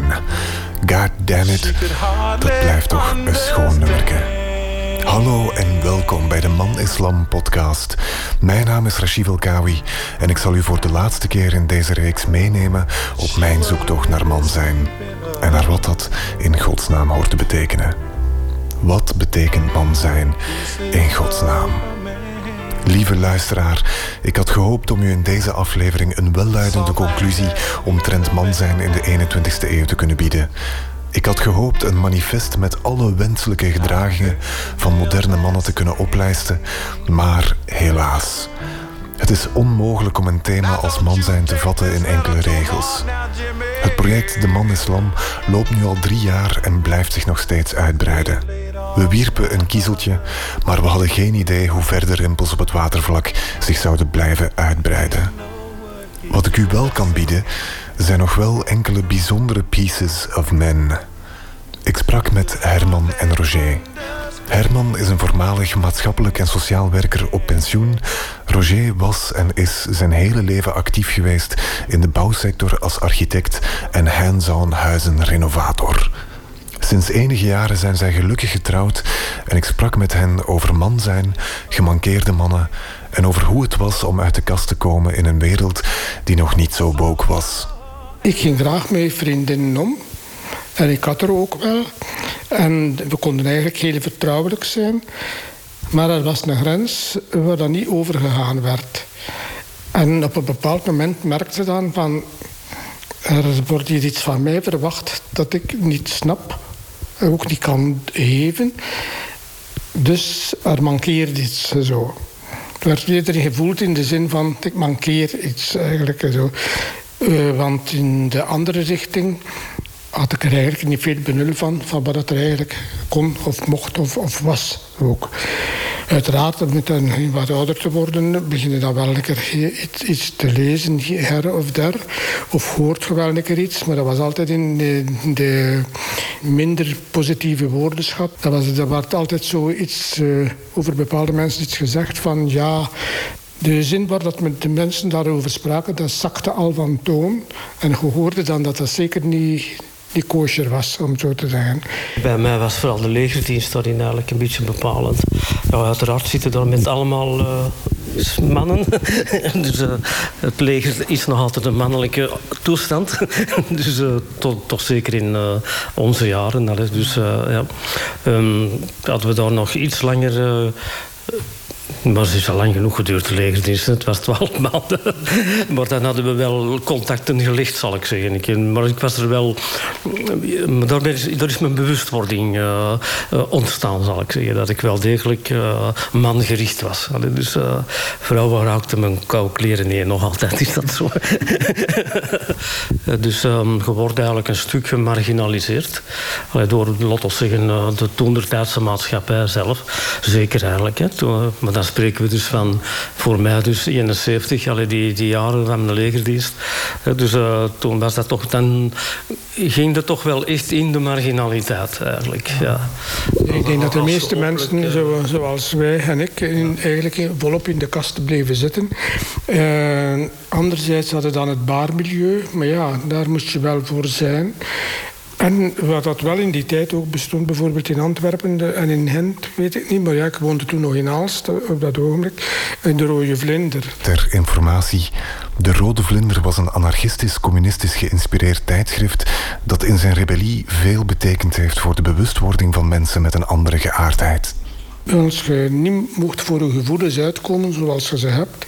En dan en je kunt ze alleen maar aansluiting vinden ergens in, in een bar of ergens in een, eh, in een park. Eh, tussen in de struiken zo. Ja, dan ga je op de duur daar naartoe. En dan bevestigde uiteraard ook het beeld dat de, de anderen daarvan zeggen. En het klopt nog ook, want je doet het zelf omdat het niet anders kan. Zo. En dat is je kunt dat over veel zaken in de maatschappij zo zeggen. Ze. Maar daar klopt, is dat zeker ook zo, uh, zo, En op dat vlak is het nu toch beter dat er een, een beetje meer openheid uh, bestaat. ik had mij er helemaal van afgezet. Ik had daar een forse kater... allee, ja, werkelijk, ik ben afgeknapt op het, het homo-baars en het homo-leven daar. Allee, dus dat was echt... ik zag dat niet te doen. Allee, ik, ik denk, als ik daar daar iemand uh, vindt, uh, dat is nog, vind ik nog sneller een speld in een hooiberg. gewoon weg. Dus ik had dat voor mezelf afgezet. Um, en gewoon gezegd van, ik ga wel alleen door het leven. Dus uh, ik ga echt alleen door het leven. Ik had ook eigenlijk een, voor mijn eigen uitgemaakt, gelijk dat, gelijk dat ik ben zal ik niet kunnen leven. Dus ik moest me ook anders houden. En ik kon mijn eigen daar ook niet in accepteren. Ik dacht, het beste geval aanvaard ik dat voor mijn eigen. Maar dat in praktijk brengen, later of daar ook naar buiten komen, nooit. Nu, moest nooit, nooit zeggen. Dus, uh, dat is, maar ik heb het wel jaren volgehouden, letterlijk zo. En ik heb eigenlijk wel uh, de mogelijkheid gehad. Um, maar, maar, ik ben er ook niet op ingegaan in die tijd ja, ik kunt zeggen, dat is spijtig of ik heb er spijt van. Het was zo eigenlijk. Dat, het, uh, uh, dat het, achteraf bekeken is dat dom. Maar het was zo. Ik was op dat moment zo en het kon ook niet anders dan dat ik gedaan heb. Zo. What good is sitting alone in your room? Come hear the music play. Life is a cabaret, old chum. Come to the cabaret. Down the knitting, the book. Uh, man zijn is niet direct zo naar mezelf individueel, zal ik maar zeggen. Of hoe dat je je seksualiteit benadert. Of, uh, dat heeft er eigenlijk weinig mee te maken op die en op de andere manier. Ik heb mij veel, veel meer man gevoeld uh, bij mijn, laten we zeggen, mijn eerste verbouwing die ik gedaan heb. de bouwsector. Hè. Dus ik zit in de bouwsector. Dus een huis bouwen was voor mij een veel, veel meer mannelijk gebeuren dan, dan ja, dat, daar voelde ik me eigenlijk mannelijk bij. Heel vreemd om dat misschien op die manier uit te drukken. Ja, zelf uh, ervaar dat als een heel mannelijk uh, gegeven. Allee, dus dat je zo gewoon zegt van ik bouw een huis. Allee, zo, ja, dat is ook een soort oerinstinct. Hè? Want iedere mens kan niet zonder een, een omgeving. Een, moeten een dak boven ons hoofd hebben. Uiteindelijk is dat een heel primitief iets, zal ik maar zeggen. We kunnen niet functioneren, zeker in, in onze periode, uh, zonder een dak boven ons hoofd. Hè. Dus, uh, maar de periode dat we dat nog allemaal zelf deden, is natuurlijk al heel lang voorbij. Hè. Eigenlijk heb ik het altijd wel geweten dat ik een jongen was en een man, dat wel. Uh, maar ik was altijd zo'n beetje ja, anders dan de anderen, bij wijze van spreken. Ik was niet zo sportief aangelegd. Ik was eigenlijk iemand die als kind in een hoekje met een boekje met uren kon uh, amuseren. En uh, ook later ik was ik altijd wel vrij goed in sociaal contact. Maar toch hoorde ik er dikwijls zo niet bij eigenlijk. En ik wist lang niet waarom. Ik heb dat dan pas als ik al in de twintig was... beide eigenlijk uh, ervaren dat dat was. Omdat ik me eigenlijk toch voor een stuk anders voelde dan de anderen, meeste anderen. Die, wat dat later dan homoerotische gevoelens genoemd werden. Maar wat dat op dat moment nog geen, geen, uh, geen woord voor had. Zo. En ik denk dat ik altijd me wel zo een beetje als man gevoeld heb, maar met een stuk af. Niet gelijk de anderen zo eigenlijk. Zo. En dat ik er maar was, een keer dat ik op een bepaald moment dacht van het hoeft niet meer. Ik mag mezelf gewoon aanvaarden zoals ik ben. En dat ik eigenlijk eh, voelde, ik heb een kern in mij en die staat wel. En ik denk dat ik dat moment zou moeten uh, aangeven dan. Ik was dan al niet jong meer, maar het is wel gekomen, het gevoel. Gelijk dat ik uh, zei van, als ik op een bepaald ogenblik... ik mag mezelf aanvaarden gelijk dat ik ben. En dat, ik heb dat eigenlijk nog in dromen tegengekomen... dat ik dan zo een kern had die ze me niet konden afpakken. Ik hoop dat dat in praktijk ook zo letterlijk zou zijn. Maar uh, dat gevoel van eigenlijk er niet 100% bij te horen... Hè, dat is wel voor heel veel zaken gebleven. En dat ervaar ik nog veel. Hij ook trouwens. En uh, nu, uh, ik zoek dat ook niet meer. Van er echt moeten gaan bij te horen. Ik vind dat eigenlijk een, een stukje rijkdom en gemak van dat, ervaren. Als toeschouwer is het eigenlijk boeiender te leven dan uh, als je voor jezelf, jezelf aanvaard hebt. Dat is een periode natuurlijk uh, dat je zegt van, uh, dat je er natuurlijk wel veel mee bezig bent en dat je wel denkt van ja, ik zit hier wel een, in een soort minderheidspositie als homo. Hè. Dat, is ook, dat is gewoon zo. Wij zijn een minderheid. Hè. Dus, maar als aan het moment dat je dat voor jezelf verwerkt hebt, um, dan denk ik dat het alleen een groot voordeel is om eigenlijk de samenleving samenleving als buitenstaander te kunnen beschouwen. En ja, ik vind, ik hoef mij niet uh, zo noodzakelijk uh, te vereenzelvigen met die grote groep van mensen.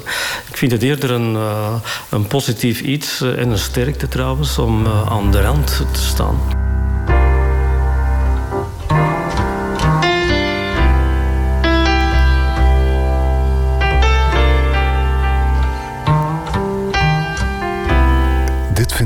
Mooie.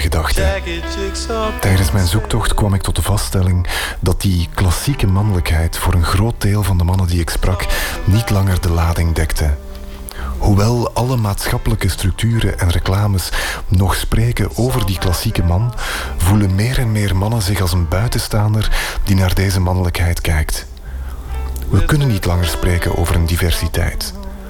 Want het begrip diversiteit gaat uit van één heersend standpunt van waaruit alle andere standpunten bekeken worden. Wat ik gezien heb is een complexiteit. Een complexe mannelijkheid zonder één overheersend model. Het klinkt misschien als een evidentie, maar er is nood aan een verbreding van wat mannelijkheid inhoudt. En als u twijfelt aan de validiteit van deze statement, raad ik u aan om toch eens goed naar de bierreclames te luisteren.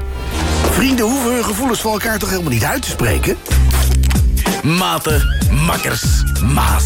Jupiler, mannen weten waarom. Ik ging ook te raden bij de jeugd en sprak met Emin en Irem, broer en zus en mijn onofficiële neefje en nichtje. Ik ken hen reeds van toen ze nog kleine kleren droegen. Nu komt mijn meter 88 ziende ogen binnen hun groeibereik. Ik deel met jullie enkele fragmenten over man zijn, broer zijn en vaderloos opgroeien. Ik vind man zijn. Ze denken man zijn is iemand die al de beslissingen trekt. Maar deze tijd hè, heeft een vrouw het ook voor het zeggen. Je moet een beetje kunnen overleggen. En ik vind man zijn, dat is iets van vroeger, denk ik. Nu is de vrouw ook eh, meer naar voren gekomen van hun rechten te laten zien van kijk, wij hebben het ook voor het zeggen. Het is niet alleen de man die het thuis heeft te zeggen. Dus ik denk dat man zijn een beetje meer naar achter is. Ik denk dat een vrouw en man eigenlijk qua als ze een gezin hebben, qua opvoeding eigenlijk, ze moeten elkaar kunnen, ze moeten daarover kunnen spreken. Dus ik denk niet zo van, die ene heeft de broek thuis aan, die heeft het voor het zeggen. Ik denk dat dat gewoon een beetje beide ligt. Dus of zowel, zowel een vrouw als man, denk ik dat dat een beetje in zich zit. Als je gelovig bent, maar echt sterk gelovig, dan voelt de man in het gezin zich echt een man. Dus de vrouw kan zich sowieso geen man voelen. Ja, die is sowieso onderdanig. Ja, die heeft daar niks voor te zeggen. Een man, ja, hoe moet je dat zeggen? Een vrouw moet luisteren naar de man. Heeft in zijn ogen geen rechten. Bij sommigen zijn heb je dat inderdaad nog wel. Bij sommigen niet. Die wijken al een beetje meer af, moderner. Ook van cultuur en nationaliteiten en geloof. Dat wordt iets moderner en is dat iets minder. Maar je hebt nog gezinnen die dat wel hebben. Als je zo echt streng bent opgevoed, dan zit dat in je. Ik ga gewoon heel open zijn. Eh, ik heb zoiets in mij en dat is zo... Misschien is dat met de godsdienst te maken. Zo. Stel dat je later een dochter zou krijgen, zou ik het moeilijk hebben om die zo naar, eens naar te uit laten gaan. Hè. Dat, dat zou bij mij een beetje wringen. Waarom, denk ik? Misschien zit dat met de cultuur, denk ik. Of omdat je zo zit opgevoed, om, omdat je een zusje hebt gehad. Want als mijn zus bijvoorbeeld zou uitgaan, wil ik haar toch de... Je gaat zelf uit, je ziet wat er ook allemaal rondloopt. Je ziet hoe soms meisjes worden lastiggevallen. Dus je wilt eigenlijk de zekerheid hebben dat je zusje niks overkomt. En ik denk dat dat wel een hoofdzaak is. Mijn vader dan, omdat die er nooit is geweest, heb ik zo... Omdat dan... Ik heb mijn mama en mijn zusje dan. En dan ben ik zo de enigste jongen dan. En dan heb ik zoiets van... Mijn zusje en mama zijn heel dierbaar voor mij. Dus ik heb wel iets gehad van... Ik, moet er, ik heb dat altijd gehad dat ik hun moet beschermen. Fysiek als dingen. Gewoon dat ze gewoon gelukkig zijn. Beetje... Ja... Dat alles gewoon vlot gaat. Gewoon dat het belangrijkste is zoals dat die niet worden lastiggevallen, is bij mij het belangrijkste. Dat die ook zich gewoon goed voelen. Maar zo beschermd gevoel heb ik altijd gehad over mijn zus. Maar ik ben vaak met mijn zus, dus. En dus op uitgaan en zo. Ik gun haar dat, voor die eens te laten zien wat dat is. Maar dan wil ik wel dat we dan samen gaan. Waar ik bij ben dan. En iemand die een broer heeft en geen zus... Ik heb veel vragen van vrienden dan tegen mij. En die zeiden van, stel je voor, je zus, hoe zit dat als jij weggaat? Hè? Zou je dat erg vinden als hij met zijn vriendje het doet? Ik zeg, dan is mijn antwoord van, ik zou dat wel erg vinden, ja. Waarom? Dan moet iemand goed zijn. Tegenwoordig iedereen ziet, of de meeste jongens toch, dat is van het een op het ander. En omdat ik altijd mijn zusje moest beschermen. Dat is een plicht. Van, ik moet van niemand mijn zus beschermen. Dat is iets van mijn eigen. Dus ik moet van mijn eigen mijn zus beschermen. Dus ik ga daar ook op dat vlak ook eh, streng op zijn. En ik ga niet de eerste beste jongen die komt, nee. Want dan, dan kom ik er gewoon tussen. En dan, ook al is dat fout, ik mag niet zo reageren, maar dat is iets van mijn eigen. Omdat mijn zus is veel voor mij, die betekent alles voor mij. Dus ik ga niet de eerste simpele ziel, om het zo te noemen. Dus die kan die niet benaderen zolang ik er ben. Ich erzähl euch ne Geschichte von nem Typ namens Max, der ne Tüte Afghan-Hasch vor dem Südstadion pafft. Seine Schule verkackte dieser Grünschnabel krass. Als Kinder zockten wir im Kiosk Süßwaren ab. Er sah ein Mädchen in der Bahn, ihr Name Gülistan. Ich hab ihn gewarnt, die Eltern lebten streng nach dem Koran. Es war kurz vor Ramadan, da lernten sie sich kennen. Und sie konnten wat ik nu wel heb is van... Ik ben nogal gehecht aan mijn onkels. Ik kan met één onkel echt, daar ben ik echt heel goed mee. En soms kijk je daar wel zo naar op. En ik denk als je geen vader hebt, dat je daar zo niet tegen kunt opkijken. Want normaal is een papa iemand waar je dan tegen op kunt kijken. Van kijk, ik wil zoals mijn papa worden. Dat hoort je ook vaak bij kleinere jongeren of dergelijke. Maar dat heb ik toen ik in mijn jeugdjaar of toen ik klein was, dat heb ik nooit kunnen zeggen.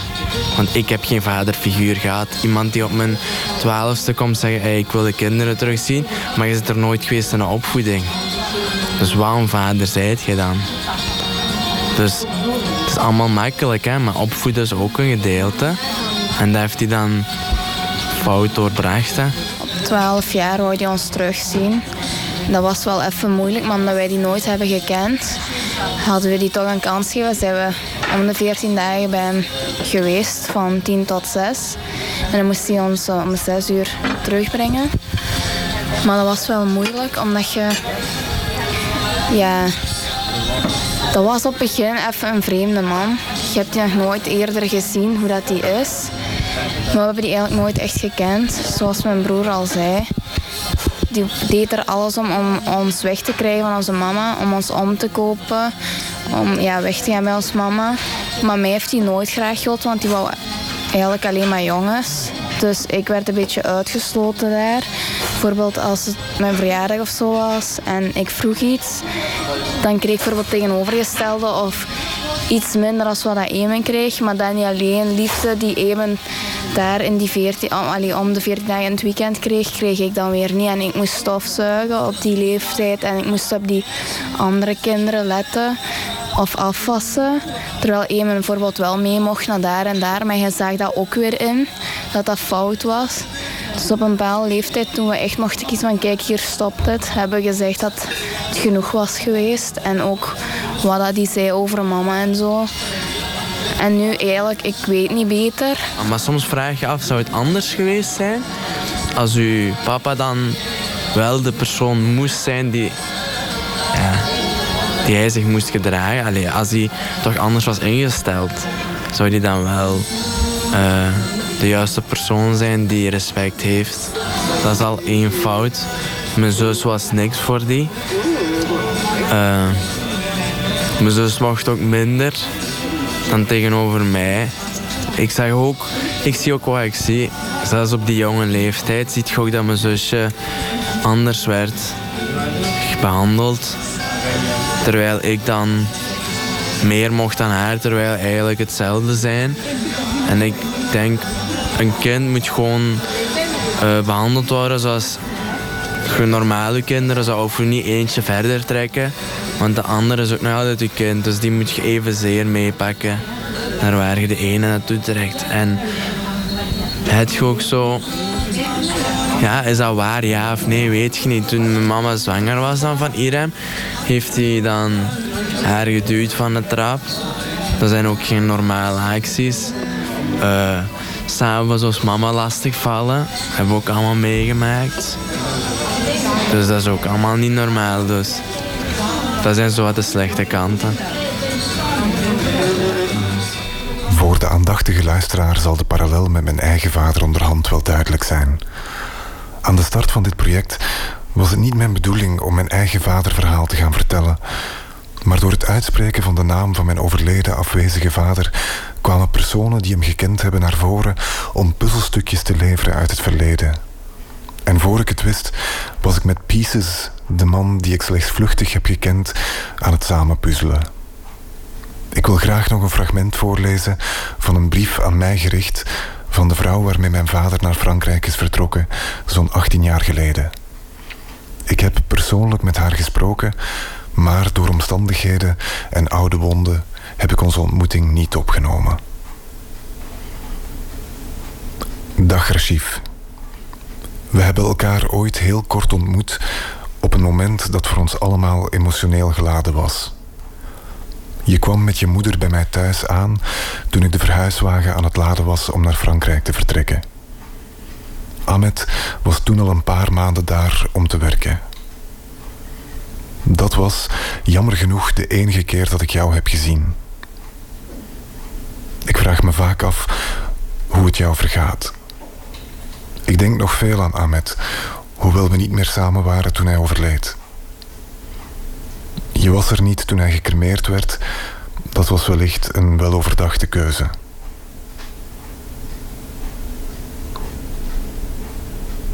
Het interview. Het interview in de nachtzoen raakte me enorm. Want ik heb Ahmed langs mijn kant ervaren als man en ook als verre vader voor jou. Ik begrijp hoe je reageerde op je elfde.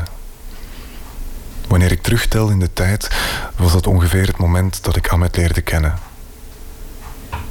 Hij heeft me nooit verteld dat je hem gezegd hebt dat je niet. Sorry.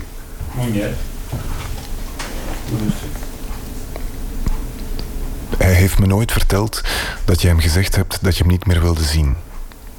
Dat zal hem inderdaad wel gekrenkt hebben. Heel erg. Hij heeft het me nooit gezegd. Ahmed reageerde altijd een beetje ontwijkend wanneer ik het over jou had.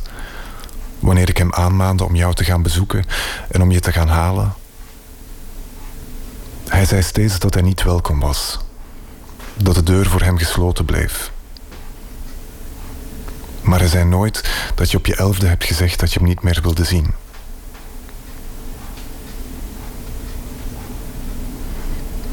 Wil graag toch ook even vertellen wat een goede man hij ook was. Hij was heel gevoelig, had een vrouwelijke kant, stond steeds klaar om mensen in nood te helpen. Hij was een beetje macho, maar ook heel geduldig. Hij hield van muziek. Hij was een mooie man. Ik weet niet of ik deze brief ooit zal versturen. Ik weet trouwens niet waar je woont. Er zal zeker een moment komen. Veel liefs. Nog een puzzels... Nog een puzzelstuk. De vage contouren van een afwezige vader door de ogen van een verloren zoon. Wrok borrelt, maar tranen blijven droog. De zoon heeft de vader in het eigen hart gedood en wekt hem met woorden weer tot leven. Mijn koffer staat klaar. Om zelf naar Frankrijk te reizen. Verder, verder nog tot aan het mulle atlaszand. In het spoor van een spook. Om de zoon met zichzelf te verzoenen. Vaderloos.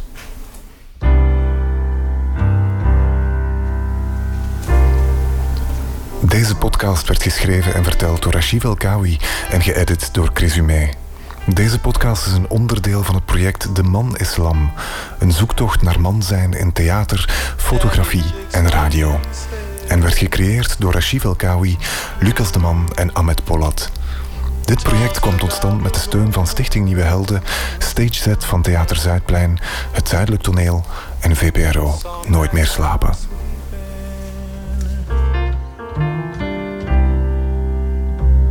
with her old straw broom.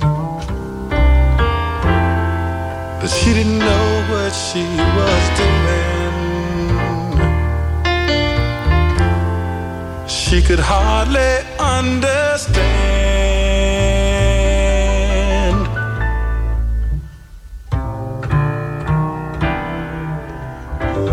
That she was really sweeping up. Pieces of a man. I saw my daddy meet the mailman. En met dit eh, Pieces of a Man is de cirkel rond. De man is lam was dat. De laatste aflevering van de podcast van Rashif El Kawi.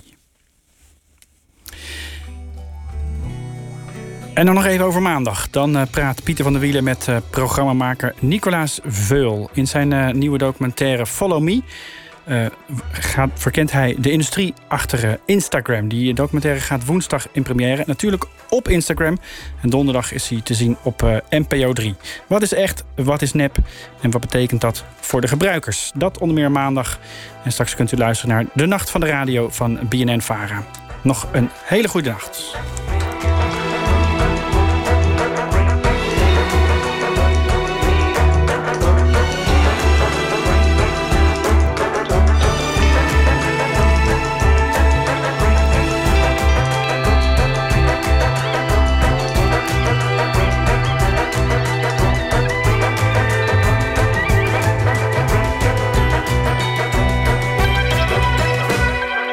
Radio 1. Het nieuws van alle kanten.